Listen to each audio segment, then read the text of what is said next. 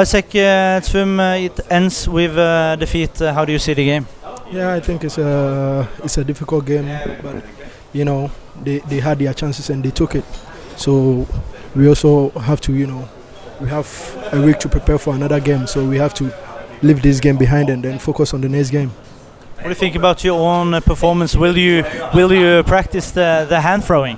Yeah, yeah, sure, sure. Okay, thank you, Isaac. Uh, just uh, one uh, last question. You have uh, had a lot of wins now. Uh, you have a defeat today. How will you work with your teammates uh, this uh, week, upcoming week? Yeah, like I said, we have to put it behind us and work towards our next game, which is Sunday. So that's what we're gonna do. You know, we cheer ourselves up and then leave this one aside and we keep on going.